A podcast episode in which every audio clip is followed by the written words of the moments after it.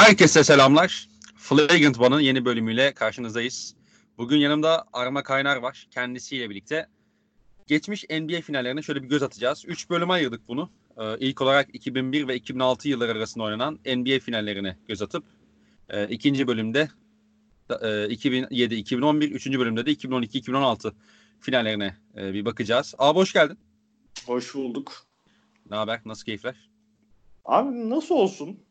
Yani evden çıkamıyoruz. Zaten Evet. gelen haberler vesaire. Hatta dünyanın durumu. Spor yok bir şey yok. B- b- böyle nasıl yaşıyormuşuz? Ben gene futbol, basketbol sezonları falan bittiğinde beyzbol, meyzbol buluyordum. Bildiğin junk gibi bir şeyler izliyordum gene ama hiçbir şey inanılmaz sıkılıyorum. Meditasyona başladım. Allah Öyle Allah. bir sıkıntı ya. Aynen. Ama iyi, keyifli. İyi geliyor dünyaya. Tavsiye ederim. Zaman geçirmek.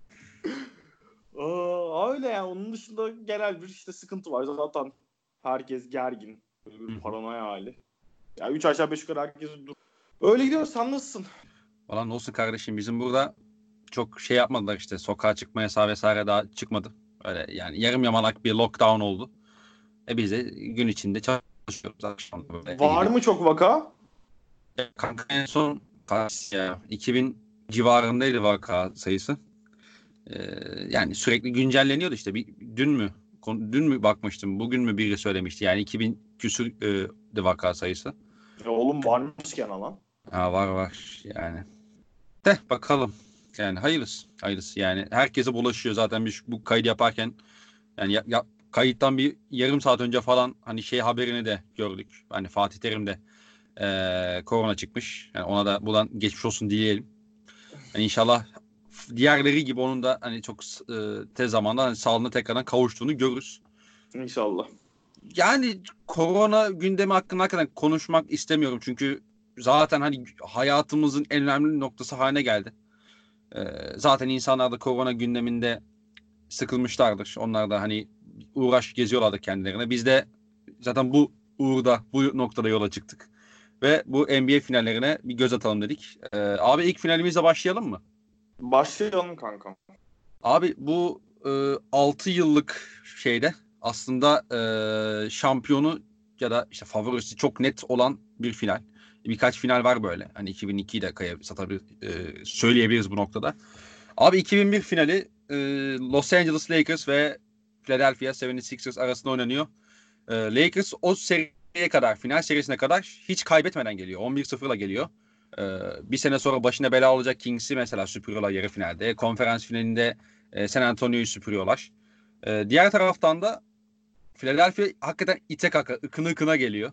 Ee, bu malum işte Vince Carter'ın pozisyonu var biliyorsun 7. maç. Son- Aynen. Son top. O, o sene işte o, bu sene oluyor yani e, baktığında. Ve iki ve finalde de konferans finalinde de yine Phila- e, şeyi hmm, Milwaukee Bucks'ı 7 maçta geçip e, ite kaka finale geliyorlar. E, ama ilk maçta e, beklenmedik bir şey oluyor ve e, Philadelphia deplasmanda Los Angeles Lakers'ı yeniyor. O malum The Step Over Game. E, ama daha sonrasında hani gücünün yetmediğini görüyoruz ve 4 maç üstte kaybederek e, final serisini 4-1 kaybediyor. Shaq bu final serisinin MVP'si oluyor. Yani inanılmaz bir dominasyon zaten. Hani Shaquille O'Neal'ın 2020 performansı.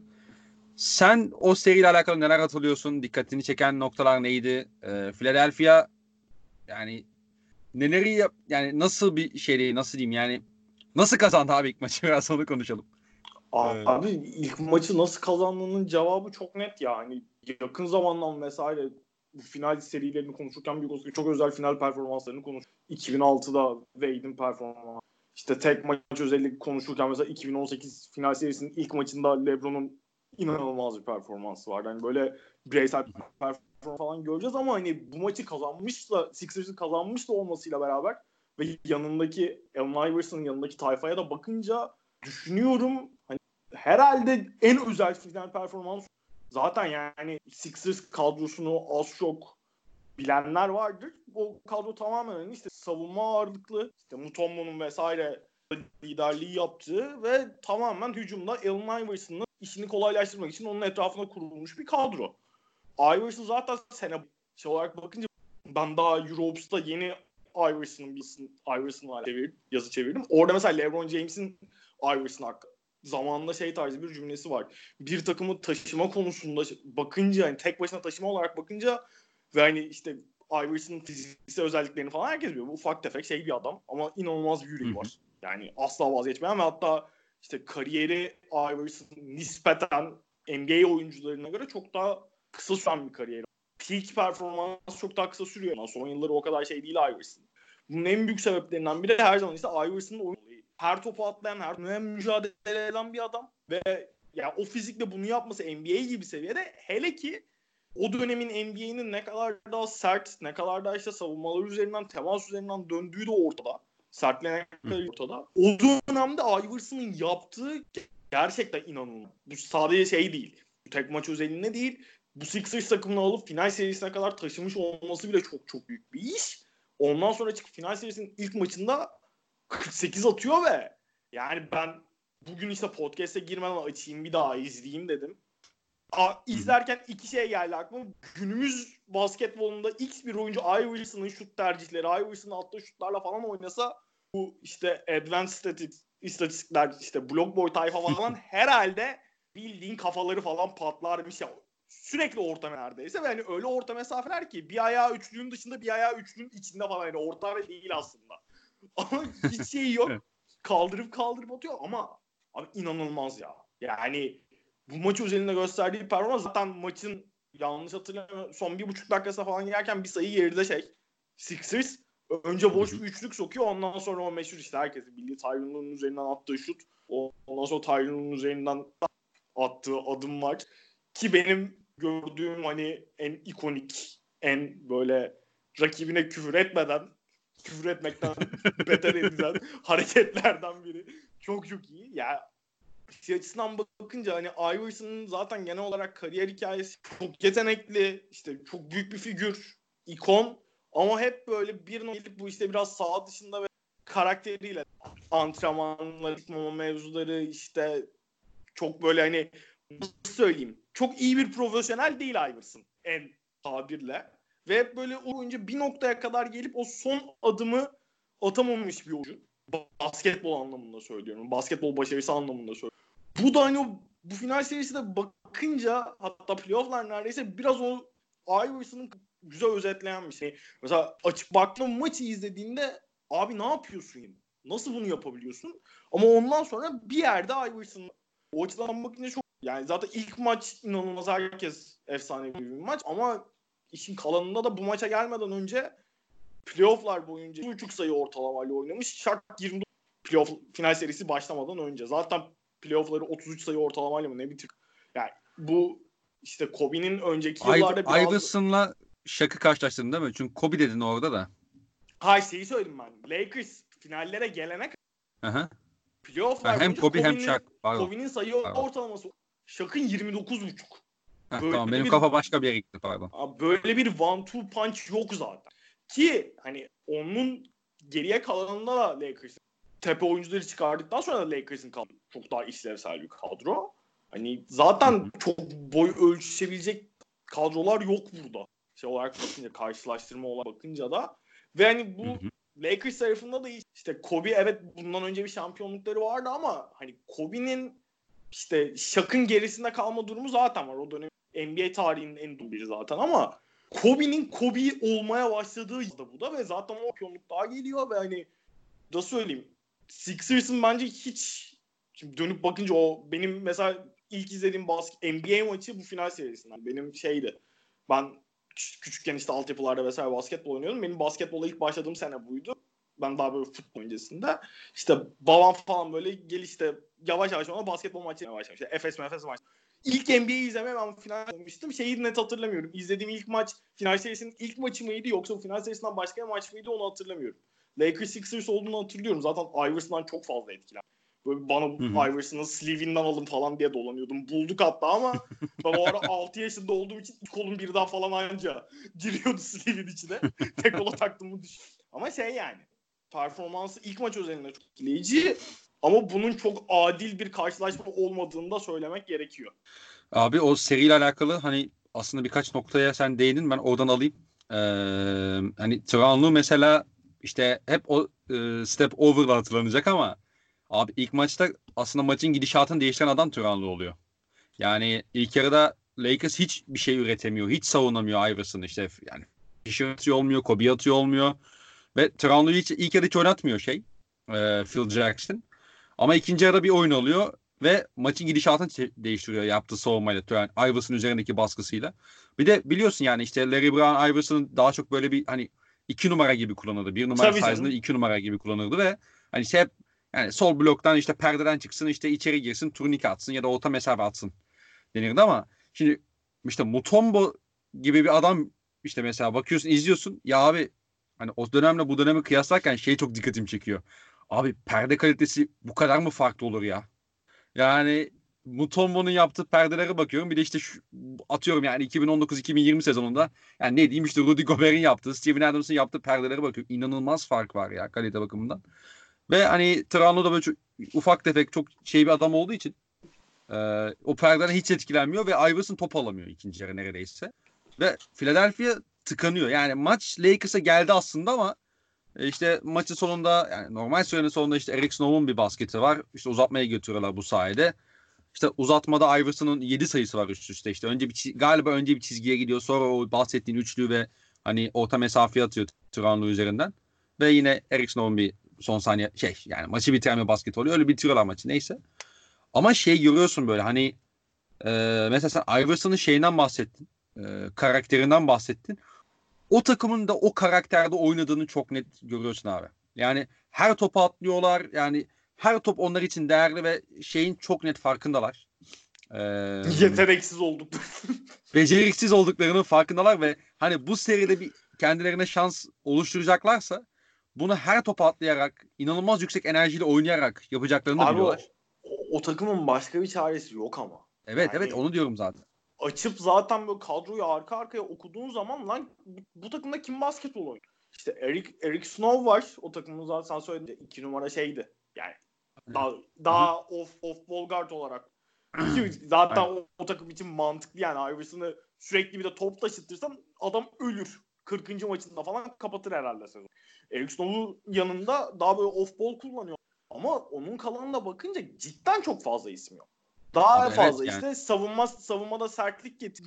Rol tanımlamaları çok kısıtlı ve belirli olan adamlar var. Ve Iverson'ın hücumda götürdüğü yere kadar gidecek bir takım var. Bu hani işi şey tarafını söylemek lazım. Doğu çok kuvvetli Doğu değil o zaman. Zaten birazdan serileri vesaire konuşurken Doğu'ya değiniriz. Ama yani o Doğu'nun o durumu olmasa zaten Sixers. Doğu öyle bir Doğu olmasa. Ama onunla geçtim. Yani şey özelinde bakınca da gene mesela maçlara bakınca gene nispeten yakın geçen maçlar. Bence iki takımın yetenek fark yetenek koyduğunda bunun bile olmaması yani. Hani seri 4-1 Lakers'ın çok rahat geç sonuç olarak hani böyle kağıt üstünde 4-1 olarak bakınca aa Lakers vurup ama maçlara baktığında Sixers o işte sürekli karakterini ne şekilde ortaya koymuş ki 4. 5. var geriye dönüş denemeleri oluyor ama Lakers'ın şut performansı da çok şey ama. Üç performansları da biraz fark yaratıyor. Ve hani bir yerden sonra o zaten öne geçti. Serinin geri, geri kalan maçlarında bir yer Sixers ciddi anlamda yaklaşıp maçlara ortak olmasına ne kadar skorlar yakın izin vermemiş şeyi görüyorsun. Sixers elinden geldiği kadar çabalamış ama nefesleri yetmemiş yani. Abi üçüncü maç aslında serinin tam olarak kırıldığı maç diyebilirim ben kendi adıma. Ee, işte ya Sixers işte her topa atlıyor işte ekmeğini taştan çıkartıyor diyoruz. Hani savunmada da özellikle hani momentumu çevirmek için momentumu işte Lakers'tan alıp kendini getirmek için e, işte tam sağ baskı yapıyorlar. E, işte ikili sıkıştırmalar getiriyorlar tam sağda. İşte rakibi top kaybına zorluyorlar vesaire. Bu ilk iki maçta mesela çok net işliyor. E, çünkü orada işte Traunlu falan getiriyor topu ve hani e, Lakers buna karşı ciddi manada bocalıyor. Yani ilk maçta da bocalıyor, ikinci maçta da bocalıyor. Üçüncü maçta bunu biraz daha kırıyorlar ama yine, yine sıkıntı yaşadıkları anlar oluyor. Yani biraz daha şaka getirip e, onun üzerinden çıkar yani çıkıyorlar işte orta sahaya kadar çekip oradan onun e, üzerinden çıkıyorlar o baskıdan vesaire ama işte şey görüyorsun yani inatçı bir takım Sixers ama işte üçüncü maçı da kaybedince çok yakın geçen maç e, zaten işte 96-91 bir 96, olması lazım. aynen. O maçı da zaten şeyle kaybediyorlar abi. Hani ben son bir dakikayı çok net hani hafızama kazıdım yani onu kesinlikle söylemek istiyordum zaten yayında. Abi işte Şak 6 faule kenara geliyor. Ve şey e, Lakers işte şey üzerinden Kobe üzerinden gitmeye çalışıyor vesaire. Lakers'ın işte Kobe'nin onları yenmesi işte şey diyorlar yani make somebody else beat you. Onlar da işte diyor ki ya Kobe yeneceğini biz işte atıyorum başka diğeri yensin. Derek Fisher yensin vesaire. İşte abi Robert Horry sol dipten bir üçlük sokuyor. Farkı öyle çıkartıyor. Neyse işte Sixers geliyor 2 2 artı 1 buluyor. Ee, ondan sonra adını sen söyle farkı tekrar 1'e indiriyorlar. Abi Robert Horry o sene playoff'larda %44 ile serbest atış atıyormuş. Abi Robert, Horry, Robert inanılmaz bir karakter ya. Geleceğiz. Zaten- Ona bir daha geleceğiz. yani abi Boşuna big shot Rob demiyorlar.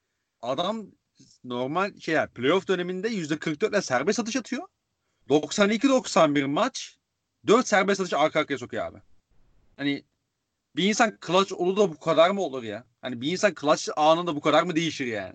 Çünkü hani Rabotori birazdan yine konuşuruz işte 2002'de Lakers'ın finali çıkmasında yani o meşhur şutunu hatırlıyoruz. 2005'te e, bu sefer San Antonio'dayken bir 5. Aynen. maçı var Detroit deplasmanında. Hani finalin aslında belki düğümünü neredeyse çözen maç oluyor vesaire. Yani kral Direkt öyle da- bence ya. Kral burada da yani çıkıp imzasını koymuş yani 3. maçta. Çünkü hani Sixers'ın enerjisinin ve biteceğini biliyorsun işte Lakers seri ilerledikçe Sixers'ın bu e, yani ekstra işlerine karşılık verebileceğini biliyorsun. Yani alışıyor sonuçta seri ilerledikçe. Bunları daha fazla görüyorsun sürekli en nihayetinde. Sen ona göre e, işte ne derler işte adjustment'ları yapıyorsun. O üçüncü maçı da kaybedince artık oradan sonra işte modları düşüyor, işte enerjileri haliyle düşüyor ve hani artık oradan geri dönüş olmuyor. Ve Lakers 5. maçta yani 4 ve 5. maçta kazanarak e, işi bitiriyor yani Sixers'a karşı. Orada Shaq'ın dominant performansından bahsedebiliriz. Abi karşında Diken ve Mutombo var. Bana mısın demiyor ya. Hani kral. Abi Şak kime bana mısın diyor o ara. E, 2004'e geleceğiz. Ha o 2004 bak 2004'teki Şak Gel ya yok o- geleceğiz. Geleceğiz. Onları konuşacağız. Onları geleceğiz. Yani 2001'de işte abi Mutombo'ya atıyorsa karşısında bir şey işlemiyor. Ne bileyim işte diğer uzunlara atıyorsun. Abi hiç bana mısın demiyor ve yani patır patır kafalarını vura vura e, şey yapıyor. E, yani 3 sene üstte şampiyon oluyor zaten. Ki bu arada abi hani şakı izlerken benim en dikkat çek en dikkat çeken nokta şey oldu bende. Abi bir, bir oyuncu bu kadar mı iyi post şey- e, posta pozisyon alır ya? Eh. Abi inanılmaz iyi pozisyon oluyor. Yani işte kilo Eh. tabii yani kilosuyla da alakalı bir durum belki ama yani çok doğru açılarla pozisyon alıyor ve orada artık o pozisyon almış şaka karşı hiç ya, yani affedersen bir sikim yapamazsın ki artık yani geçmiş olsun yani artık. Ee, öyle öyle. ve hani bu der seriyle alakalı son bir detayla vereyim istersen ondan sonra e, 2002'ye geçelim. Şak ikinci maçta 8 tane blok yapıyor abi. Ve bu da bir NBA final serisinde e, rekor. Yani birkaç kişi daha yapmış ama işte o- Sonradan egale edilen ki onu da konuşacağız büyük olasılıkla birazdan. yani işte zaten Şak da egale ediyor yani kırmıyor aslında ve işte egale ediyor ikinci maçta. Ya ama- yok şey muhabbeti var serisinde Duncan'ın muhabbeti. Ha. Tamam geleceğiz. Geleceğiz. Geliriz hepsine. geliriz. Hepsine geleceğiz. Yani böyle bir seri oluyor. Ee, yani işte benim ekleyeceğim fazla bir şey kalmadı. Bence güzelce konuştuk. Iverson'ımızı övdük. Ee, Yani bence de çok ekli. yani o takımın GM'i kimdi Philadelphia'nın bilmiyorum ama yani abiler Iverson yanına bir tane topçu ya. Bir tane topçu ya. Yani bulamadınız mı abine koyayım. Kanka ama o, o sinirlendi. Abi o Eski ara... Beşiktaşlı oğlum. doğru doğru pardon pardon. Abi çünkü şey yani o bu mesela Iverson ilk maç 48 atıyor, 41'de 17 atıyor tamam mı? Ama bu takımın Iverson'ın 41 şut atmasına ihtiyacı var. Bunu çok net görüyorsun. Abi işin şu tarafı var. Bu tabii Sixers biraz daha iş, hani spektrumun diğer tarafında kalan bir örnek ama şimdi günümüz NBA'indeki algıdan dolayı şey çok var. Ya bu adamın yanına bir tane daha yıldız işte bir tane daha iyi topçu bulamadınız mı diye. Abi o dönemde en, öyle bir ortam değil zaten. Yani işte şeye bakarsan Doğu'da mesela oraya gelene kadar Sixers'lı takımlara var. Bak. İşte Rap, Raptors var. Vince var. Yanında başka böyle aa bu çok iyi diyeceğim bir adam yok mesela. Genelde sürekli zaten süperstarların üstünden dönen.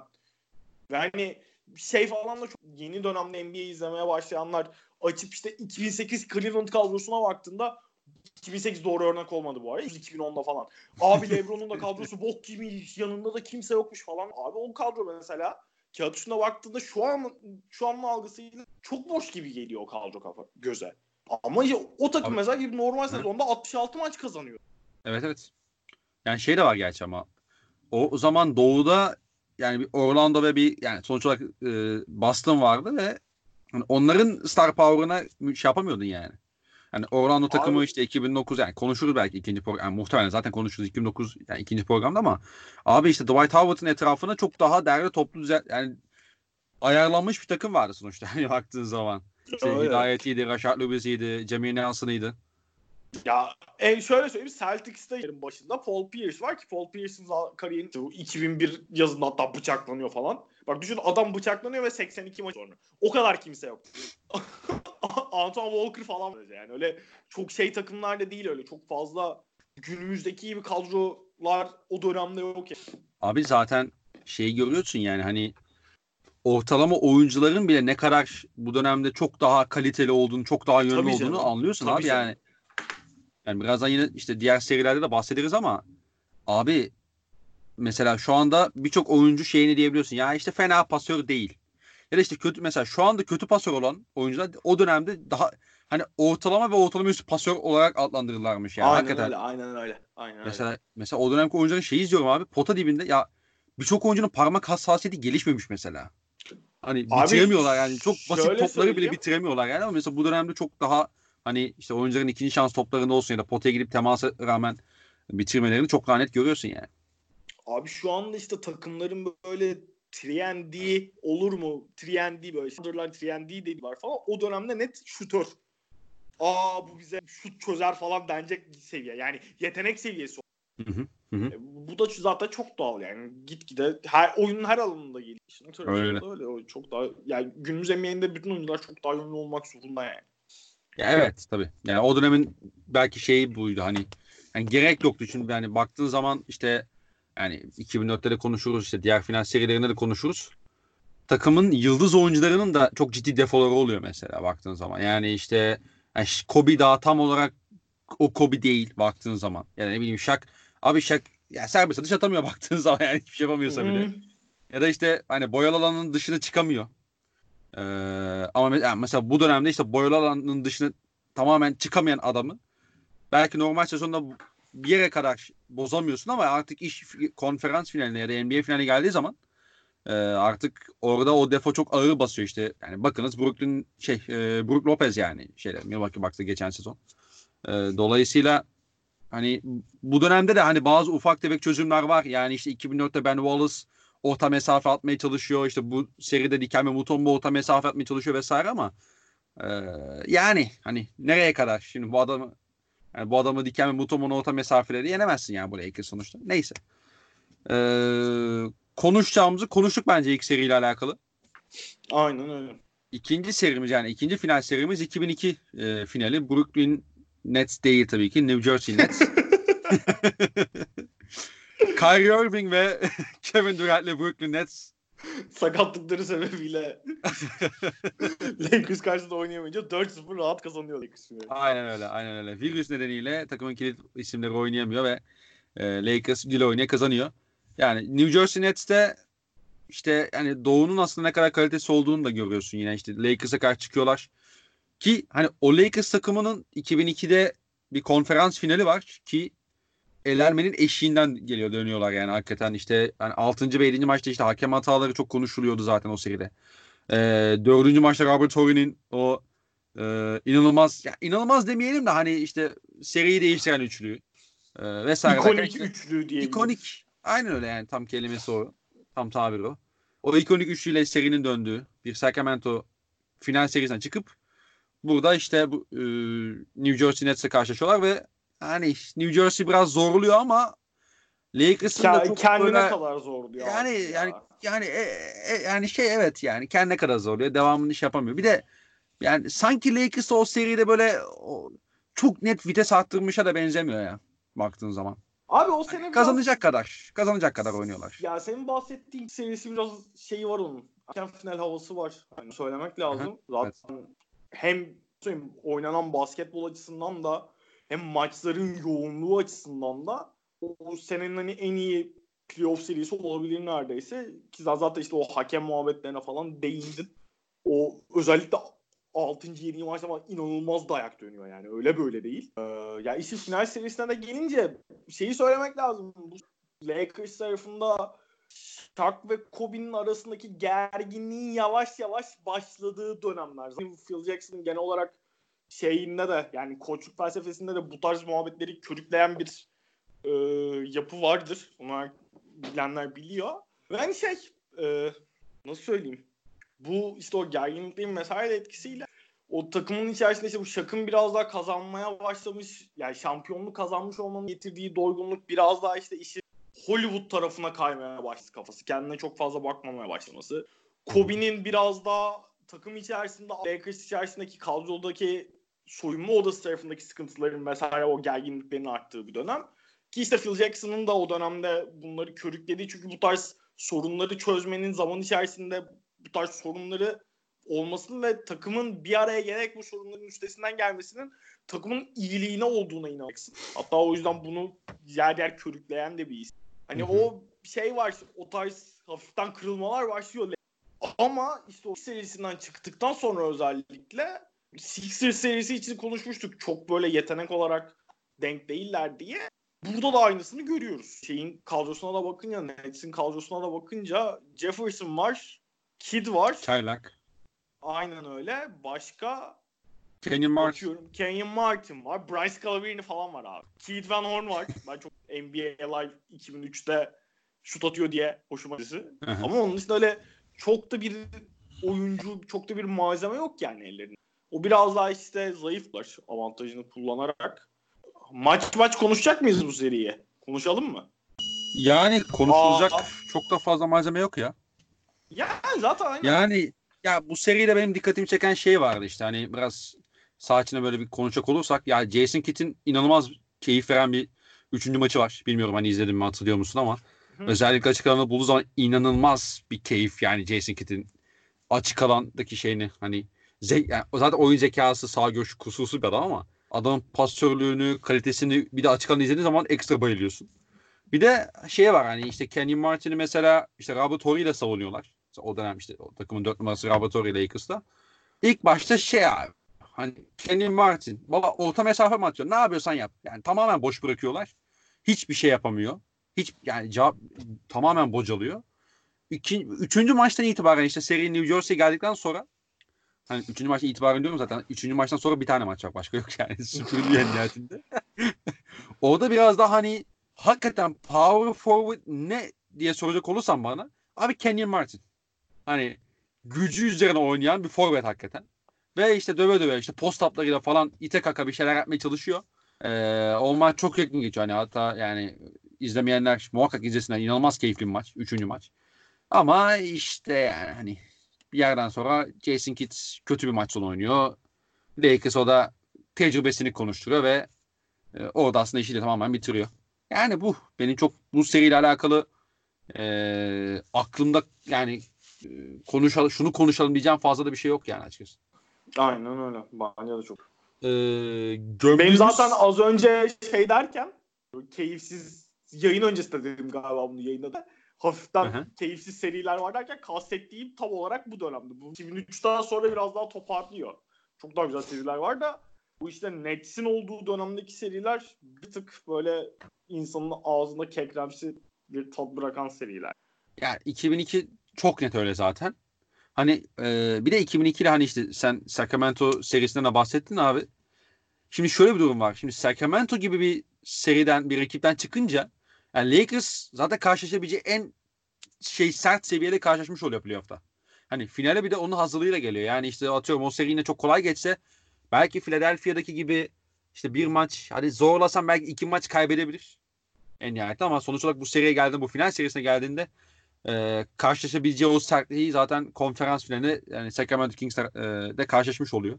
Bence öyle de bir artısı olmuş olabilir yani o serinin 2002 e, konferans finalinin.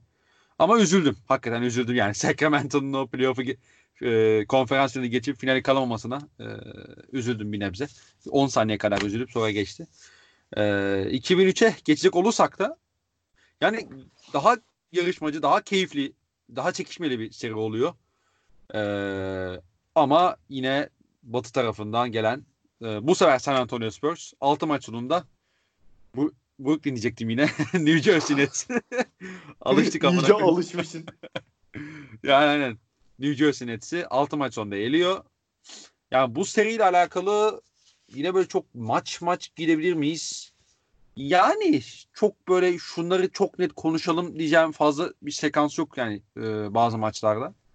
Ama Tim Duncan saygılar üstad. Saygılar. Tim Duncan. Topçu Bu- oğlu topçu oğlu topçu olduğunu çok güzel göstermiş yani kral. Abi, ya Heh, ha, söyle. pardon.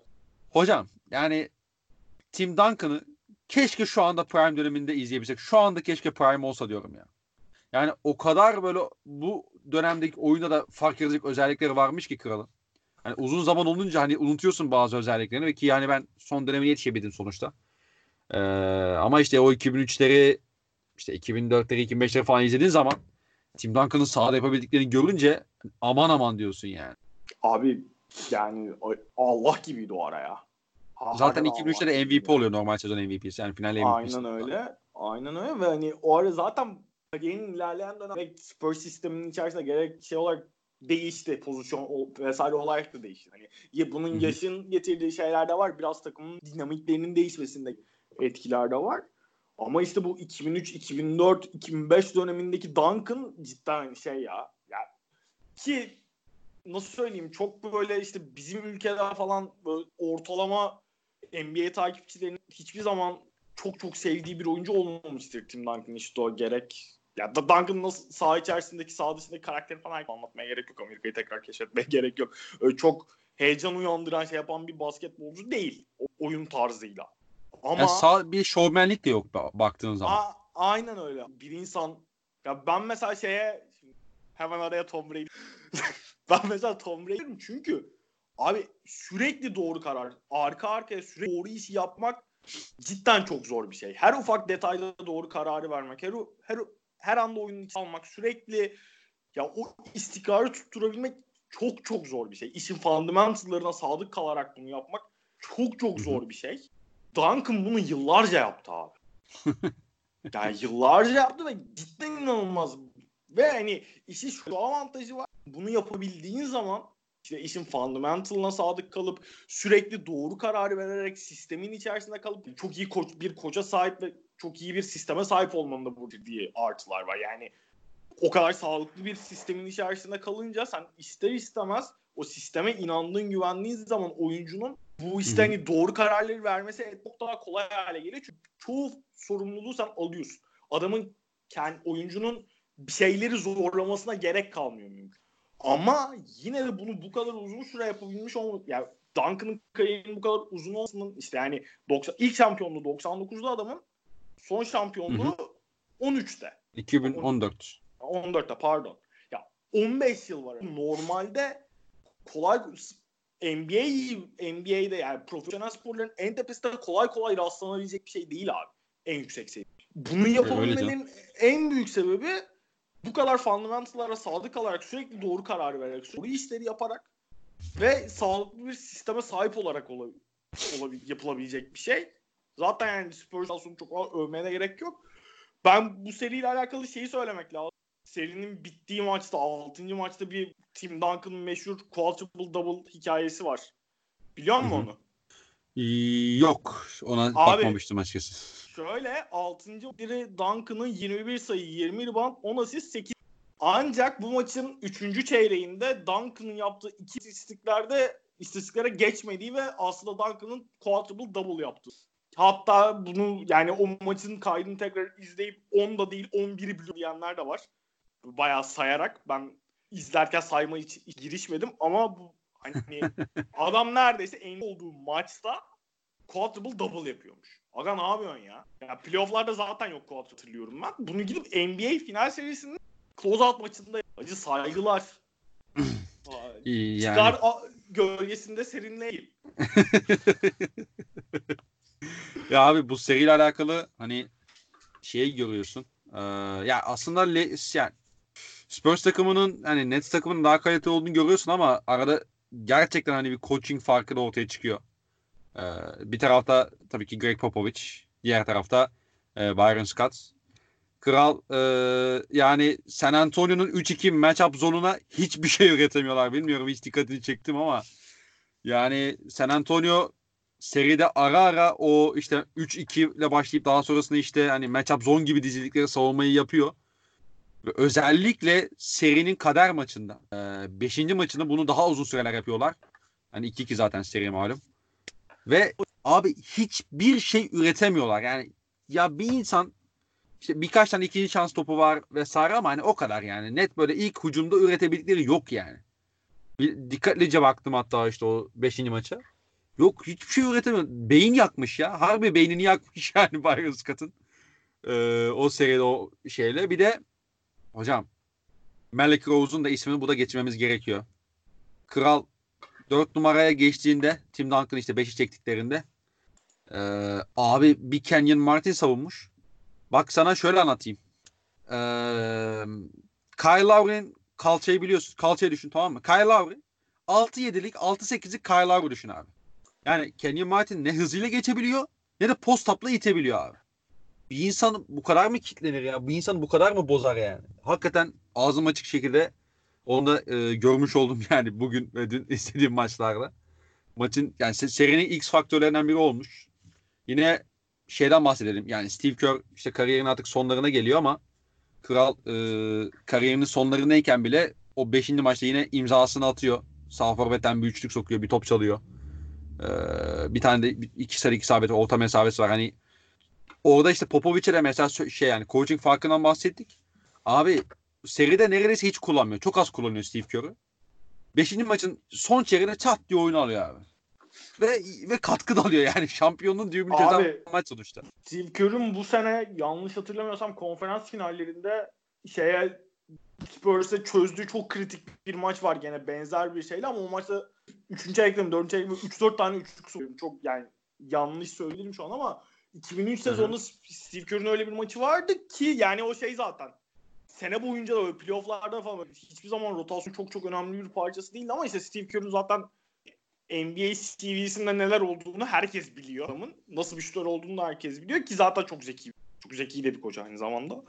Hani o tarz işler için gayet kullanıcı ve hani o bence o çok güzel bir, bir imza olmuş. Katılıyorum yani işte Tony Parker var yani işte zaten Parker'ın ikinci senesi mi üçüncü senesi mi ne galiba yanlış hatırlamıyorsam ikinci senesi olması lazım ama emin değilim. Ee, Bakıyorum ben şu an sen devam et. Yani Ginobili işte çaylak zaten ki ya orada bile hani tamam biz ileride hani ileriki dönemden gelip izliyoruz bunları. Yani aslında sonrasında neler olduğunu bilerek izliyoruz belki ama yani işte Ginobili'nin mesela işte bir çaylak hani tamam sıradan bir çaylak gibi değil yani sonuçta işte Avrupa geçmişi var vesaire. Abi, Parker'ın ikinci Heh, Parker'ın ikinci senesi abi sonuç olarak NBA finalindesin ee, ve ikinci senen Abi Parker'ın bir ikinci maçı var. Hani orada maç nete girebilecekken ikinci yarıda öyle bir yani şey oynuyor ki öyle bir top oynuyor ki yani serinin kaderini direkt değiştiriyor baktığında. İşte Ginobili inanılmaz bir faktör olmuyor bu playoff serisinde bu final serisinde ama yani işte gidiyor mesela ikinci maçı sonunda çok kritik bir top çal üçüncü maçı pardon. Çok kritik bir top çalıyor. Maçı kazandırıyor takıma işte. Hani hep çok kritik yerlerde çok kritik işler yapıyor. Onu görüyorsun yani bu adamların ne kadar değerli olduğunu aslında o zamandan beri görebiliyorsun işte. Biri ilk senesi, biri ikinci senesi. Ee, yani 2005'te de konuşuruz yine ki önümüzdeki programlarda da yine sıkça bahsederiz herhalde. o Spurs takımının e, e, devamında Abi ama. bu yani şey açısından çok iyi. Spurs'un kadro olarak aslında bir geçiş döneminde olduğunu da görüyorsun bir yandan. İşte bahsettiğin gibi Duncan, ay Duncan diyordum. Ginobili, Parker. Parker'ın ilk, ilk yılı işte David Robinson'ın kariyerinin son Steve Kerr Abi David, David Robinson'ın şey son senesi yani şampiyonluk bitiriyor. Aynen öyle dönemi ama ona rağmen ya bu işte az önce söylediğim şeye de bağlanıyor bir yandan. Sağlıklı bir sistem, sağlıklı bir yapı, sağlıklı bir organizasyon olmayla da çok alakalı. Böyle bir geçiş döneminde bile çıkıp şampiyon olacak takımı kurmuş Pop. Bunda tabii Duncan gibi bir manyağın olması çok büyük bir artı elinde ama yine de çok saygı duyulası. Abi bir de Parker'la Ginobili'yi nereden seçtiklerine de bakmak lazım ya. Hani yanlış hatırlamıyorsam Ginobili 51 olması gerekiyor. Ya 51 ya 57. Ben sanki 56 diyorum. Ya o oralar, o civarlar. Yani, yani. yani nerelerden seçtiğine bak. Tony Parker'ı 27. sıra abi. Öyle olmaz. Ya yani 27 olması lazım. Hani lotaryanın çok çok uzağından aldığın iki oyuncu e, sana yani 4 Abi- şampiyonluk çözüyor. O ara işte daha çok Avrupa'yı keşfedebilmiş durumda değiller. Spurs bayağı ekmeğini. Ya öyle canım da hani yine de abi. Gerginliğe hazır mısın? Öksüreceğim şu an. Pardon. Ya kardeşim 57'ymiş bu arada. Ginobili. 57 değil mi? 57. Yani biliyoruz kardeşim. Biliyoruz da bu programa çıkıyoruz. Ee, abi yani işte 2003'te de alakalı herhalde konuşacağımızı konuştuk. Hani Duncan'ın işte hem normal sezon hem final MVP'si olduğundan bahsettik. Ve hani dedik işte bu final serisinin başında konuşurken abi dediğim gibi abi Duncan bu dönemki oyuna o kadar çok o kadar kolay adapte olmuş ki yani. Çünkü abi pasörlük desem var. Sağ görüş desem var. Açık alanda fast break'le başlatır kral. E, orta mesafesi var ki yani bu dönemde onu 3 sayıya da geriletebilirsin. Yani çok şey değil böyle e, çok yakın orta mesafeler değil yani. Yani uzak orta mesafeler atıyor kral baktığında. Abi o bence şeyle de alakalı ya. Hani Duncan Green'e yani Duncan yeteneklerini, Duncan skill setine sahip bir oyuncu şu anda gelse üçlük çizgisinin arkasından da bence bir silah olurdu. Hem takımların bekledikleri de oyunculardan hem antrenman beklentiler değişince doğal olarak bu oyunculara çalıştırdıkları da değişiyor. Yani atıyorum Evet. 2000'lerdeki ortalama bir oyuncudan beklenen üçlük performansıyla, üçlük katkısıyla şimdiki çok farklı.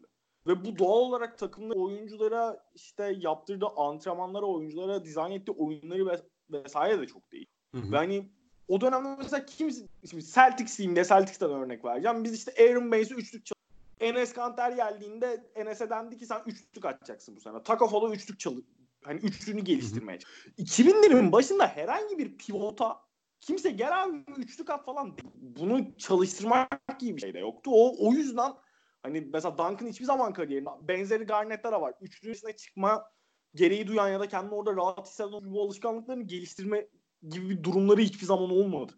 Ki ben mesela Garnett için de aynısını düşünüyorum senin Duncan'da söylediğin. Garnett de günümüz NBA'inde çok çok çok acayip bir oyuncu.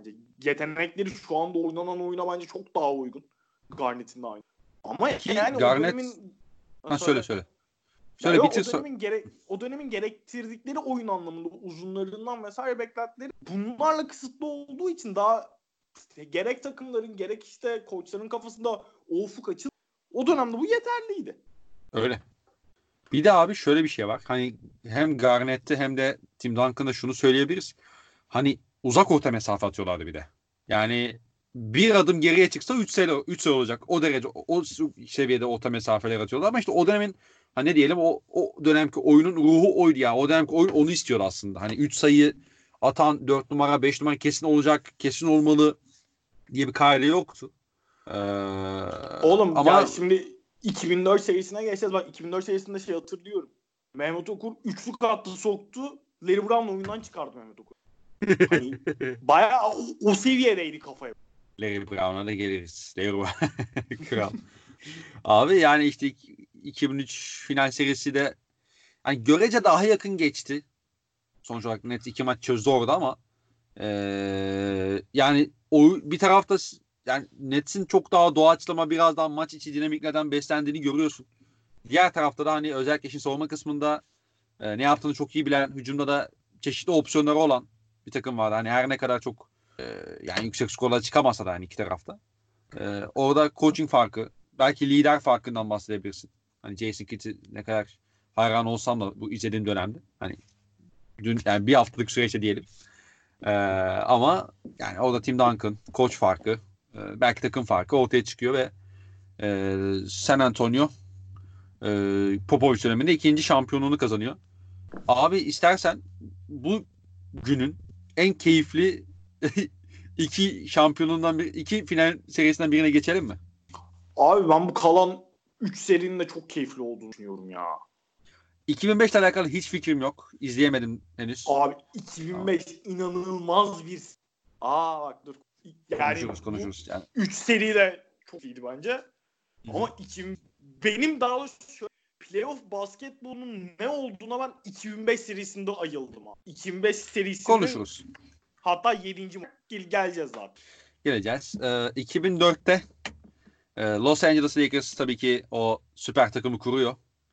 Ee, finale kadar da geliyor. Aslında yani çok işte mucizevi bir e, basketle aslında final kapısını aralıyor. İşte Derek Fisher'ın 4 saniye kala e, Spurs serisinde attığı o basket. Hala ben anlayamadım o topun nasıl girdiğini. Hala izlerken arada oğlum bu nasıl basket oldu lan diyorum kendi kendime. Abi o basketten hemen öncesinde Duncan'ın attığı Da- şut inanılmaz. mu? Evet. O, o da çok saçma. Zaten Şak'ın maçtan sonra şey şanslı bir şut, diğer şanslı şutu hak eder tarzı bir açıklaması vardı. Ama hakikaten öyle. Yani bayağı tek ayak üstünde sağa doğru uçarken şutta değil tek eliyle gözyaşı gibi bir şey atıyor Duncan. Ve çok uzak Fırlatıyor mesafe. ya. Yani. Abi bayağı şey faal çizgisinin tek posttan Bak dedik ya az önce uzak orta mesafe diye. Evet evet. Bayağı uzak orta mesa mesafeden fade away floater karışımı bir şey atıyor. Çok acayip bir basket. Ee, ve işte böyle bir maçın sonunda Lakers finali çıkıyor. Diğer taraftan da hani Detroit ee, doğudan gelen takım galiba Nets'e 6 maçta eleyip geliyorlar. Yani yanlış olmasın. Ee, ve final serisine geldik. Şimdi ilk maç başladı. Ben maçları izlerken hani ya serinin ilk maçının daha başlarında şey görüyorsun abi. Arada işte bir ciddiyet farkı mı dersin ya da işte sezon içindeki o alışkanlıkların getirdiği sonuçlar mı dersin? Abi Detroit'un o seriyi kazanacağını daha ilk maçın başında anlıyorsun ya. Özellikle Abi- o finale çıktıklarında o şey atıyorlar üzerinde ya. Hani o e, finale çıktık o heyecanı o belki gerginliği attıktan sonra yani bu maç bu final serisini Detroit alacak diyorsun yani. Abi ya şeyi söylemek lazım. Bu takımın da kuruluş şekli zaten işte sezon başında Peyton'la Malone'u getiriyor Lakers. Ki o dönemde bu işte az önce Lakers konuşurken Aha. şeyi söyleyeyim. Hani bu gerginlikler vesaire başladığında burada artık o işte Kobe ile Shaq arasındaki ipler Ayyuka iyice. çıkıyor. Aynen ya bu işte dava muhabbetleri Kobe'nin dava döneminde Shaq'la alakalı söyledi. Keşke ben de Shaq gibi para verip sustursaydı falan tarzı bir cümle kurduğu falan bunun Shaq'ın kulağına gittiği ve ortalığın artık iyice alev aldığı modasında ki bunun şeyde de bu sezonla alakalı Kobe'nin şeyi var. Ee, Shaq'la bir oturdular TNT'nin bir programında konuşmuşlardı. 45 dakikalık böyle karşı karşıya eski günleri yad ettikleri program var. Orada Kobe şeyi söyledi mesela. Ben o sezonda bizi finallere hazırlama konusunda başarısız oldum. Yeteri kadar hani sistemi işletecek, herkesin işin içine sokacak hani özveriyi ben o sene göstermedim. O sene benim suçumdu tarzı bir şeyi de var Kobe'nin ki senin de dediğin gibi hani evet takım içerisinde sıkıntılar var ama şey de belli oluyor ya takım içerisinde bu işte gruplaşma, yerliler yabancılar gruplaşması gibi Türk takımlarında Adam tayfa. Onu, aynen adam tayfa vesaire gibi. İşte Brezilyalılar çetesi var diye Evet, görüyorsun yani hani Portekiz cidden çetesi. sıkıntı aynen. Cidden sıkıntı var takımın. İşin öbür tarafında Pistons tarafında Jordan var işte görev verdikten sonra çok çok iyi bir kadro mühendisliği var orada. İşte Ben Wallace geliyor Dejan Prince'i seçiyorlar. Celtics'te başarı yani mesela saçma sapan Pitino sağ olsun Billups'ı seçiyor sonra çaylak sezonunun ortasında takaslıyor ki Billups o ara şey diye görülen bir bas damgası Evet, Bunların evet. İstatistiğine baktığın ve zaman da anlıyorsun. Aynen ve 2003'te fena olmayan normal ama o dönemde de başında Rick Carlisle var hatta. Ondan Evet. sonra Rick Carlisle yollayıp Larry Brown geliyor. Burada da hani o şey konuştuk ya az önce Sixers konuşurken iyi bir savunma takımı, sert bir savunma takımı, takımın karakteri bu değil. Burada çok daha kaliteli bir takımla benzeri bir sertlikteki bir savunma takımını kuruyor, başarıyor, başarıyor Larry Brown ve işin hücum tarafında işlerin çok daha şey yani nasıl söyleyeyim uygulanabilir tıkanması daha zor bir plana bağlı bir takım. Yani Ben Wallace dışında işin hücum tarafında masaya bir şey getir ilk beş üzerinde konuşuyorum. Masaya getirmeyen bir oyuncu yok neredeyse. Ve senin söylediğin gibi serinin başı ben bu seriyi o ara işte okullar vesaire vardı. MTV'de veriliyordu o dönemde final seride ve sürekli şeydi işte gece maçı yayınlıyordu. Ertesi gün akşam 9 gibi tekrarı oluyordu. Ben sürekli o tekrarlardan sahaya denk gelmeden işte biraz da Mehmet Okur oynuyor diye o ara şeydim. Detroit Pistons tutuyordum ben bu seride. Aa Türk, Türk şampiyonu oldu. Ben hani şeyi hissediyordum abi ya. Yani ben hatta izlerken şey şu, lan bu Lakers Shaq çok iyi, Toby inanılmaz topçuydu. Bunlar nasıl bu kadar dağınık? Hani bir yandan şeye bak. Detroit Pistons tarafında öyle Shaq gibi işte ya da Kobe gibi o dönemde daha Malone'un falan nasıl bir oyuncu olduğunu çok bilmiyorum. Onlar daha çünkü do- işte Peyton falan 90'ların oyuncuları olduğu için çok hakim değildim onların nasıl olduğunu ama hani, abi Shaq var, Kobe var. Ne nasıl diye kafayı yiyordum ben hatta bu seriden sonra çok uzun yani çok uzun süre demeyeyim de bir iki yıl falan Billups'ın böyle lan acaba ligin en iyi oyuncusu mu falan diye böyle kafamda öyle canlanmıştı yani. Hani zaten o dönemde böyle çok varlığı yok. Daha 10 yaşındayım, 1 yaşındayım. Basketbola çok ayılmış bir oyuncu değilim. Bu seriden sonra ama diyor mu? Billups inanılmaz topçu ya. Herhalde böyle yeni çocukluk aklıyla kafada öyle dönüyordu. Ama şeyi çok net görüyordu. Daha iyi takım olduğunu ve sürekli bam bam hiç şans vermediler neredeyse ya Lakers'a. Bayağı vurarak Öyle öyle. yani. Ee, bir de hani o takımla alakalı şey de söyleyebiliriz bence. O dönemin şartları içinde aslında fena da bir spacing'e sahip değilmiş, değillermiş yani baktığında. İşte Billups'ın işte şutu var, işte Richard Hamilton, işte orta Abi, mesafesi var ya, yayın geri satabiliyorsun. İşte ben Wallace şey pardon Rashid Wallace bir tak hani sen Dumars'ın işte yaptığı hamleden bahsettin. O sezon ortasında bir de Rashid Wallace hamlesi Aynen geliyor, takası geliyor. Ee, onun işte yarattığı bir işte spacing oluşturuyor. İşte Ben Wallace işte e, Philadelphia serisinden hani bahsetmiştim işte Mutombo'da yapmaya başladıkları gibi. Hani Shaq'ın olduğu takıma karşı işte orta mesafe atabilen bir 5 numara yaratmaya çalışıyor. Yani onun üzerine çalıştığını falan da söylüyor işte Ben Wallace. Ee, yani o, işte a- maçı anlatan spikerlerden dinliyorsun sen de zaten. Duyuyorum zaten. Ee, yani o takım abi ben so bir takımın soğumasını izlerken aşka gelir misin? Ben geldim Öyle Yani- canım. Evet. inanılmaz bir savunma takımı. Her topta inanılmaz yani köpek gibi savunma yapıyorlar. Ve hani şey de var mesela hani Larry Brown çok iyi bir seri çıkarmış hakikaten koçun baş, e, bakımından da işte çok fazla şey değiştiriyor abi. Yani işte orada ata, yani şakın üzerine atabileceği birkaç oyuncu yani çeşitli oyuncular var sonuçta. E, onları çok iyi kullanıyor abi. Yani işte yeri geliyor Rashid Wallace atıyor şakın üzerine. İşte 4 numarada Malone'un üzerine Ben Wallace atıp e, adeta iki kişi kapatıyorlar yani Şak'ın pota altını. İşte ne bileyim Mehmet Okur'u atıyor. Mehmet Okur'dan iyi katkı alıyor savunma bakımından Şak üzerinde. Ha, Şak'ın da kendi başında kendi içinde problemleri vardı işte. Yani Lakers'ın problemleri vardı ama e, Yani Şak'ın da fiziksel olarak çok iyi durumda olmadığını falan söylemek lazım. evet Önceki yıllara ama kıyasla. yine de o dönem işte o yıl ki istatistiklerin, o yılki performansın da aslında altında maçlar oynuyor Şak. E, çok yani durduramıyorsun tabii Şak'ı durdurmak diye bir şey yok. Ama hakikaten iyi yavaşlatıyor, iyi dengede tutuyorlar.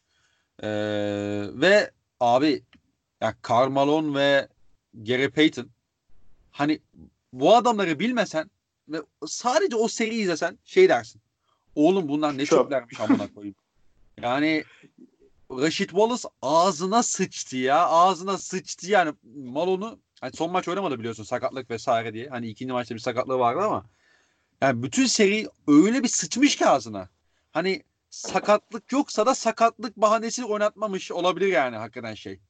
Phil Jackson. Çünkü bir insan döve döve potaya sokulur mu ya? Orta mesafesiyle, post up'ıyla yani delik eşik etmiş. Yani Gary Payton. Abi o seriyi izledim ben Smith yat, o, Smith sat onu da yaşa diye takılıyorum yani. yani.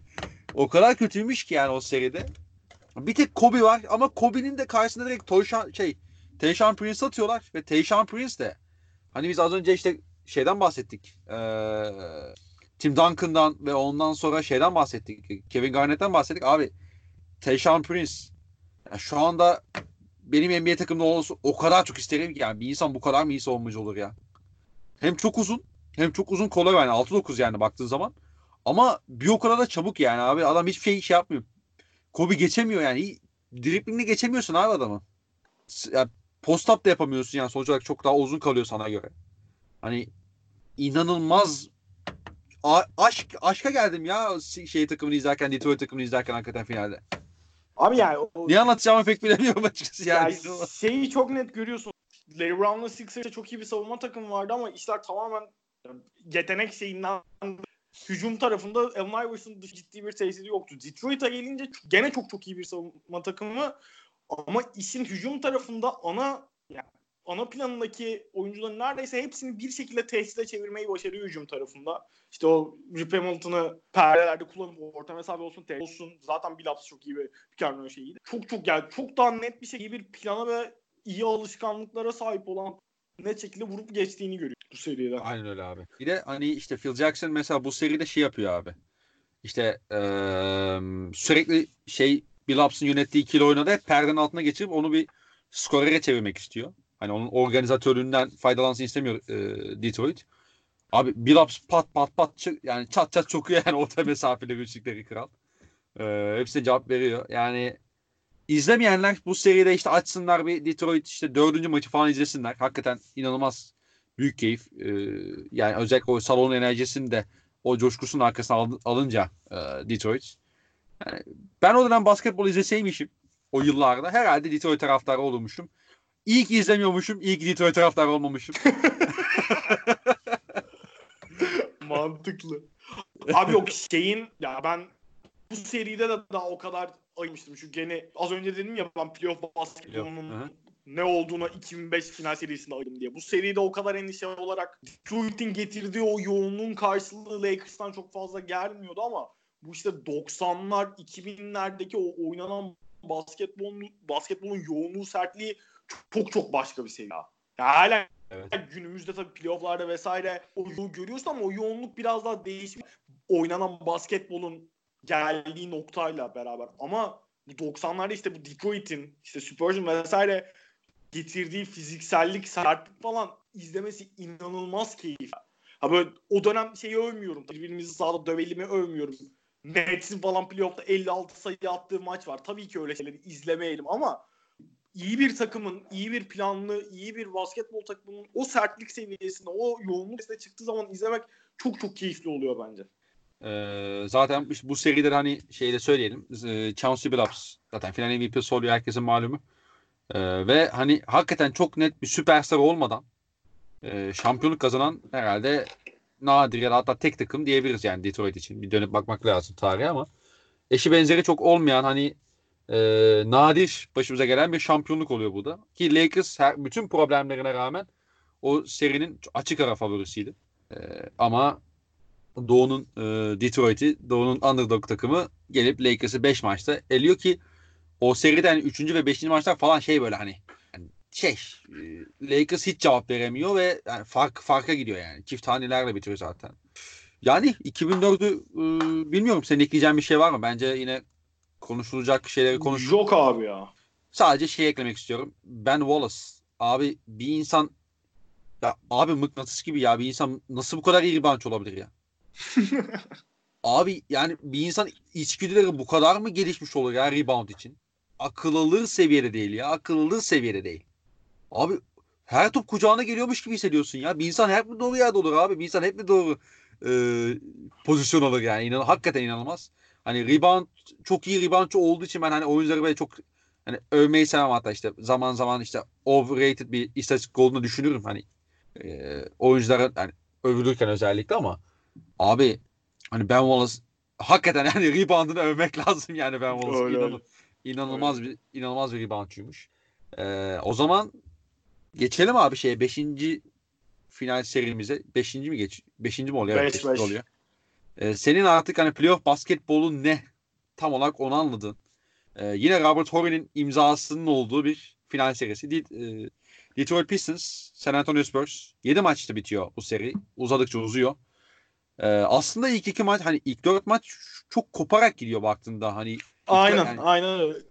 İçerideki yani iç saha takımlar, ev sahibi takımlar hani vurup vurup geçiyor ama özellikle 5. maçtan itibaren e, sanki ilk 4 maçtan ayırabiliriz gibi geliyor. Yani çok farklı bir e, sonuç maç oluyor. Abi Sonunda da kazanan San Antonio 5. maçtan itibaren o söylediğim işte maç içerisinde fiziksel seviye olsun çok çok daha farklı bir seviye. Ben hani 4 maç hakkında çok söyleyeceğim bir şey yok açıkçası burada. Çünkü hani zaten ikisi de hani çok iyi savunma takımı. Spurs'ta Detroit de aynı şekilde. Ve hücumda da yani belirli sistemleri rolü çok iyi dağıldı. Kimin ne yaptığını her bütün çok net bildiği. Ve hani uçan kaçan hücum takımları olmasa da dönemine göre gayet işlevsel hücum takımı. Hı Ee, ya ama... şeyi söyleyelim bu arada hani bu takımlar arasında konuşurken o dönemki şartlara da bir bakmak gerekiyor ya hani değerlendirirken yani. Bugünle kıyaslamak çok saçma geliyor. Öyle öyle. Ya işte Detroit Pistons o sene normal sezonu 2 bitiriyor. Miami Heat şeyden sonra şak, e, takasından sonra. sonra aynen. Ki konferans finalinde zaten Detroit şeyi götürüyor. San Antonio Spurs gene sürüyor sezonunu. Orada da işte City'nin ilk MVP'sini aldı sene. Phoenix Suns birinci olarak. Ee, yani şey burada 5. maçta benim mesela aklımda 5. maçla alakalı en net kalan iki şey. Ben maçı canlı izlemiştim. Canlı izlediğim ilk final.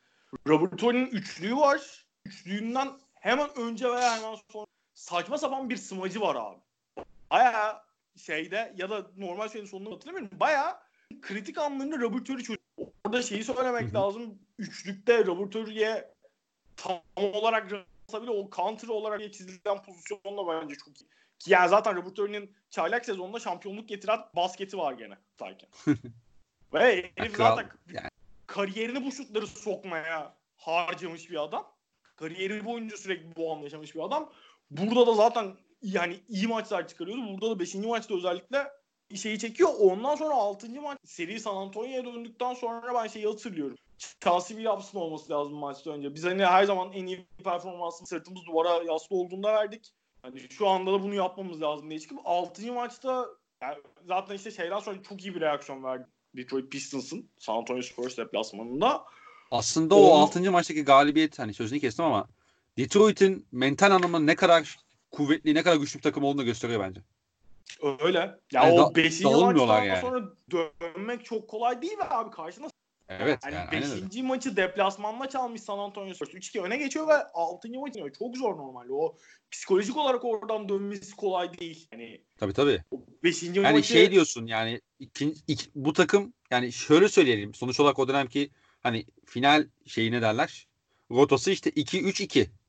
Yani Aynen. içeride 3 maçı oynadıktan sonra deplasmana sen 3-2 gidiyorsan yani kafanda şey oluyor zaten. Ben bu ben bunları deplasmanda iki defa yenemem oluyor birçok takımın kafasında. Ama Aynen Detroit öyle. o onu işte belki hiç düşünmüyor. Belki o konuyla alakalı hiç şey yapmıyorlar ve biz bu maçı çıkacağız, kazanacağız, iş 7. maçı taşıyacağız diyorlar. Ve hakikaten yapıyorlar. Aynen öyle. 7. maç o biraz NBA finali 7. maç daha ne kadar gergin, ne kadar bunun yüksek olduğu bir ortam olabilir. Şey de benzeri bir maçtı mesela bu 2010 7. maçı da öyleydi. Daha sonra Cleveland Warriors maçında çoğu oyuncunun işte ya ellerin hafiften titrediğini vesaire mesela. O Warriors Cleveland maçında da son 4-5 dakika bayağı şey hissettiriyor. Yani basket atan alacak gibi havasını hissettiriyordu. Bu maçın da yani Spurs biraz daha önden sürekli şeydi yani. Mesela fark 5 sayıyken bile 10 gibi falan hissettiren bir maçtı şey olarak. O gerginliği, yoğunluğu olarak ya onlar ama işte Ginobili olsun, Duncan olsun 7. maçta onun gerekeni yapıp oradan şeye karşı da ne kadar işte o mental sertliğini vesaire övsek de karşısındaki takım da Spurs. Yani Duncan olsun, Ginobili olsun, başında Pop var. O çok verilmesi kolay bir sınav değil Dins açısından bakınca. Ki San Antonio Spurs da zaten oradan 3-2 öne geçtikten sonra kendi evinde üst üste iki maç vermeyip sürmesini biliyor. Aynen öyle abi. Yani dediğim gibi bu seriyi daha izleyemedim. Hani bundan sonra da izlemeyi düşünüyorum e, boş vaktim olduğunda. Keyifli seridir bu ya. İzlemesi çok keyifli. Özel. Ben, ben dönüp tekrar yakın zamanda izlemedim ama hani daha önceden izlediğim dönemlerde vesaire çok fazla yani Abi o dedim ya az önce playoff basketbolu ya. izlediğim dönemde daha yavaş yavaş olaylar etkiyle gözümde büyütüyor olabilirim ama ben cidden ne zaman böyle bu seriden bir maça TV'de vesaire denk geldiğinde de izlemesi çok keyif veriyor bana cidden. Özellikle o son 3 maçı bir izlemek lazım hakikaten bir görmek Aynen. gerekiyor. Ee, abi yani bu bu final serilerin herhalde en böyle acayip hikayelerinden biri olan 2006'ya geçelim istersen. Olur. Ee, yani benim benim maçı... azılı bir Dwayne Wade fanı olmamı sağlayan ta ki Rajon Rondo'nu koparana kadar e, seridir bu. Her şeyden önce Celtics diyorsun yani. Celtics'i. Yani. ee, abi inanılmaz bir final serisi oluyor. İlk iki maçı Dallas alıyor içeride. Ee, iş Miami'ye gidiyor.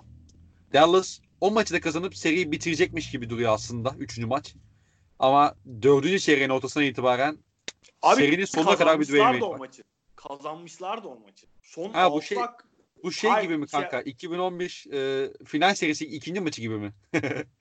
ya abi şöyle üçüncü maçın bitimine 6 dakika mı 6 dakika kala olması lazım. 6-14 falan kala Dallas 13 sayı öndeydi bu maçta. Miami Heat'te galiba Alonso Udonis Haslem oydu. Omzu sakat sakat oynuyordu Udonis Haslem. Hani cidden şeyin hali kalmamıştı. Miami Heat'in hali kalmamıştı. Oradan döndüler. Oradan itibaren işte Wade bayağı çıldırıyor zaten. Şeyi söylemek lazım. Bu sene işte Dallas çok çok iyi bir normal sezon. Hı hı. Ee, Miami tarafında bu sezonun ortasında bir koç değişikliği oldu. Önceki yıl işte konferans finalinde elenmişti Detroit Pistons'a şey. Miami'yi ve orada Şak'ı yeteri kadar kullanmadıklarını falan Stan Van Gundy'ydi koçun. Özellikle işte bu son elendikleri maçlar, elendikleri şeyde falan Stan Van Gundy'nin Şak'ı yeteri kadar kullanmadığını daha sonra işte sezona sakatlıkla başlıyor. Sezonun başında bir sakatlığı oluyor yanlış hatırlamıyorsam Şak'ın. Tam Şak'ı sakatlıktan döndüğü civarlarda Stan Van Gundy'yi yolluyor Petrali ve bu takımı ben yöneteceğim. Ki ondan sonra zaten Şak'ı normal sezonda da işte load management tribiyle dakikalarını falan bayağı düşürüp playoff'lara daha sağlıklı kalmasını diyorlar ki Shark mesela playoff'larda da ya o fiziksel şeyleri de var Shark'ın sakat etkisi zaten Shark hiçbir zaman öyle kendine çok iyi bakan çok şey yapan bir oyuncu olmamıştı. Shark'ın playoff'larda da biraz daha yavaşladığını görüyoruz ki Dallas seri seri geçirdiğini söylemek doğru olmaz. Kritik anlarda yaptığı kritik işler var. Yani üçüncü maçta mıydı? Doğru. Uzatmaya giden hangi? Beşti galiba. Ee, yani beş, aynen 5-5. Orada Beş işte mi? mesela Aha. sonunda Nowitzki'nin 2'de 1 faal atıp Şak'ın 2'de 2 atıp maçı uzatmaya götürdüğü falan bir sekans var. hani Abi Şak'ın o kritik an- şovları şeyde de var ya bu 2001'de falan da var yani. Hani seri genelinde çok üst düzey bir performans göstermese de kritik anlarda yaptığı önemli işler var Şak'ın. Ama seri genelinde zaten Wade 3. maçtan itibaren öyle bir seviyeye çıkıyor ki zaten Hakikaten başka birinin bir şey yapmasına gerek yani. kalmıyor yani. Abi o 4 maçta kaç son 4 maçta 39 muydu 40 mıydı? Bakıyorum Abi şu an bir defa saniye. 40 geçiyor işte. 3 3. maç 42. 3. maç pardon. 3 42. 4 36. 5'te 43 atmış. 6. maçta ondan sonra 29 pardon 36 atmış bir daha. Ne Evet, yapıyor evet yani. ya? Ve mesela şey istediği zaman çizgiye giriyordu. Wade'in o dönem yani hiç kariyerinin hiçbir döneminde zaten çok fazla olmadı Wade.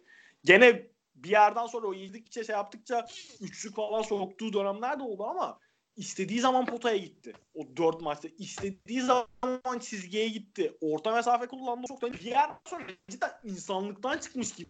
Abi zaten bu üçüncü maçın geri dönüşü tamamen şey üzerinden hani Wade alıyor o iki o bir pick and roll şey direkt sol bloktan özellikle o benim yani ne zaman gözümü kapatsam üçüncü maçta Wade'in sol dipten attığı orta mesafeler gözümün önüne geliyor. Aynen öyle. Aynen öyle. Ee, rakip uzun hani Dempin falan onun üzerine sürekli zorluyorlar ve bayağı işte yani işliyor da yani bu ikili oyunlar. Bir de hani bu seriyle alakalı benim işte uzun zaman oldu ben bu seriyi aslında izleyelim. Birkaç yıl hani oldu yani şey e, bir tekrarını e, izleyelim ama bu seriyle alakalı benim aklımda çok net yer edilmiş bir şey var abi. 6. maçta e, Jason Terry ve hani Nowitzki'nin ikili oyunları bayağı şey yapıyor. Hani Dallas onun üzerinden tamamen gidiyor. Abi Petrali 4-10 kala mı? 4-12 kala mı ne? 3 şey 2-3 alan savunmasına dönüyor. Ve abi yani Dallas yanlış hatırlamıyorsam bütün seri boyunca bunu yapmıyor. Yanlış hatırlamıyorsam yani hiç yapmıyor bunu şey. Ee, hani Miami'nin şey Dallas'ın so, şey, alan savunmasına döndüğü dönemler oluyor. İşte falan da dönüyorlar da. Bunu Miami bir yanlış hatırlamıyorsam hiç yapmıyor o seride ve bir anda yapıyorlar. 6. maçın sonunda zaten gerginlik yani hat safhada yani zaten geride hani tek top iki top hani ama sonuç olarak geride şey e, Dallas ve abi beyin yakıyor ya. Hakikaten yani Dallas takımı o da beynini çıkartıyor sağın ortasına bırakıyor yani. Hiçbir şey üretemiyorlar Abi neredeyse. ya Dallas ben söylüyorum 6. maçtan çok şeyi psikolojik olarak 3. çöküşü zaten 4. maça gelmiyorlar. Hani Nowitzki de çok kötü bir maç oynuyor. O 3. maçtan Nowitzki de çok kötü bir maç oynuyor. Dördüncü maça gelmiyorlar. Seriye istiyor. Beşinci maçta zaten yani o işte Nowitzki'nin kaçırdığı faulü falan söyledim az önce. Hani o psikolojik olarak o üçüncü maçın lan biz almıştık şampiyonluğu ne hale gel. Bir yandan şeyi çok ne diyor aman aman nereye geldiği görüyorsun evet, izlerken. evet, doğru. Özellikle işte o dördüncü maç zaten beşinci maçta gene son bir direnç. Ama orada beşinci maçta Wade inanılmaz bir maç oldu. Zaten seride çıkla Wade'in. Oradan sonra şeyde de 6. maçta da işte gerek Phil olsun gerek tertemiz şampiyonluğu oluyorlar. Ya benim hani nasıl söyleyeyim Lebron'dan çok çok özel final serisi performansları izledik. Hani bu işte 3-1'den döndükleri Kyrie, Kyrie'de State. dönmeye başladıkları dönemde falan çok iyi ma- performans gösteriyor ama hani e, ben LeBron'un final serilerini mesela şeyin bu işte Kevin Love'ın Kyrie'nin sakat olduğu final serisinde 15. ya da Hı hı. işte daha sonra bu 51 10 2018 var. ha falan yap. O seride falan hani biraz daha işler şeydi ya. Nasıl? Ya bir yerde o iki seriyi de zaten 2018 zaten öyleydi ben. 2015'te de ben izlerken şeye hiçbir zaman itibar vermiyordum neyse. Lan Cleveland bu seriyi alır şeyi yoktu bende. Hani öyle o yüzden o serilerdeki LeBron performansları gene LeBron'a bokan istatistiksel olarak çok çok özel performanslar. LeBron'dan başka bir Kesin, kesin ondan değildir ya. Onu yapmak kesin Hayır söylemiyorsundur. Yani. Öyle mi? Lig genelinde LeBron'dan başka takımını o şekilde taşıyabilecek başka bir oyuncu yok. Yanına yaklaşabilecek ama ben hiçbir serileri alma ihtimalini görmediğim için LeBron'un kafamda şey olarak konum olarak o kadar yukarıda değil benim. Ama 2006'daki Dwayne Wade'in özellikle o 2-0'dan sonra yaptıkları izlediğim belki biraz daha küçük olduğunun etkisiyle de olabilir. İzlerken ben inanılmaz etkilenmiştim. Beni en, en çok etkileyen performans final 2006'daki Wade. Çok etkileyici yani. Hakikaten bir de onu tabii e, o dönem izlediğinde işte o, o zaman 11-12 yaşında falansın herhalde değil mi? Yani onun o 12, 12. işte o onun etkisi de inanılmaz şey oluyor tabii yani o çocukken genç Abi onu izlerken şey onu vardı mesela. daha da devleştiriyorsun yani, o büyük anı daha da dev hale getiriyorsun.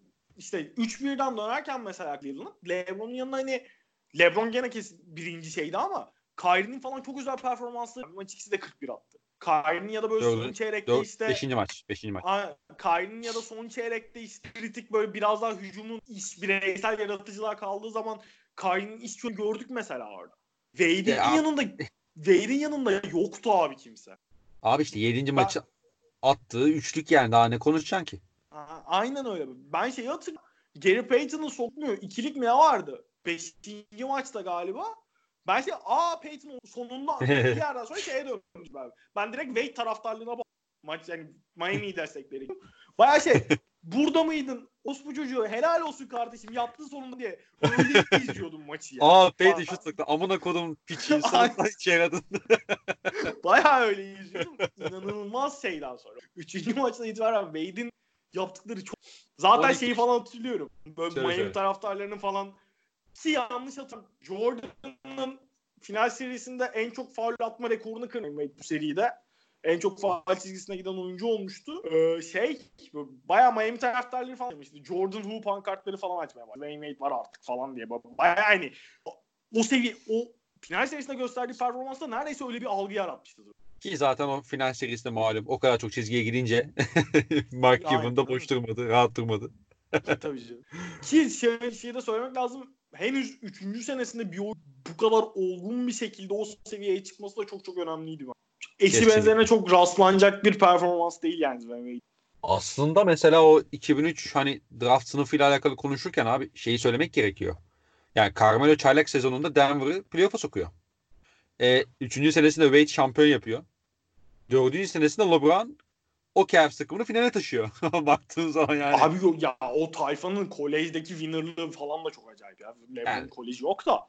Hani zaten Wade'de Melo'da böyle winner karakteriyle gelen oyuncular. O zaten çok çok özel draft sınıfı ama şimdi winnerlık tarafında da cidden çok özel oyuncular. Çok özel karakterler var. Yani mesela Chris Bosh öyle çok winner olarak görünmez ama Miami Heat'in Big Three döneminde Yani. Chris Bosh'ın yaptığı fedakarlıkları vesaire yapacak çok fazla oyuncu da yok mesela. Chris Bosh çünkü Tabii, tabii. bayağı tek başına takım taşıyıp playoff'a giriyordu önceki senede. Sonra gidip adam üçüncü adam olmayı kabul etti direkt. Yani bu herhangi bir NBA yıldızının kolay kolay kabullenebileceği Ki hatta şeyde de konuşuruz hani bunu üçüncü yayına denk gelir o muhtemelen de işte 2012'de e, şey mesela kenardan geliyor baktığında. Hani şeyin ben diye falan başlıyor ve başrol seride geri, şey kenardan geliyor. E, galiba bir sakatlığı mı vardı? Bir, bir problemi vardı o yüzden Abi dersten geliyor diye hatırlıyorum ama. eee 2012'de şeydi hatırlıyorum ben. diye hatırlıyorum Aynen ben. değil mi? Bizim Ay, evet seride. bir sakatlığı vardı.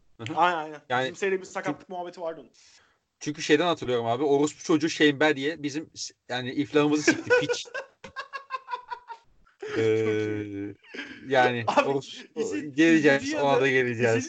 Yanı, ben 2010 serisinden konuşurken böyle küfür edemeyeceğim anasını. Çok üzülüyorum. Tabii Kobe'nin ölmüş olması daha üzücü de. Ya bu şekilde söylemek Kanka çok doğru harbi olmadı derdini ama. sikeyim ya. derdini sikeyim senin ya. Kusura bakma da yani. Neyse kardeşim şeye sen de e, Ron Artest'in üçlüğüne seversin. O, o, o zaten. Ya da, ya da Real'ına soy sop girersin 2010'da. Konuşuyoruz bunları daha konuşacağız sonuç olarak. Real'ına çok söyleyeceğim ben. Ben Real'ına küfür edeceğim abi. ben, ben baya en büyük motivasyonlarımdan biri Real'ına söylemek yani.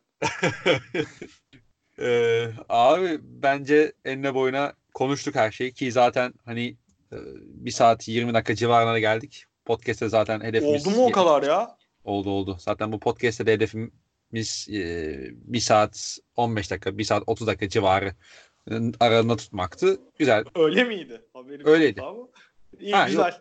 Kendi içinde öyleydi kankacığım.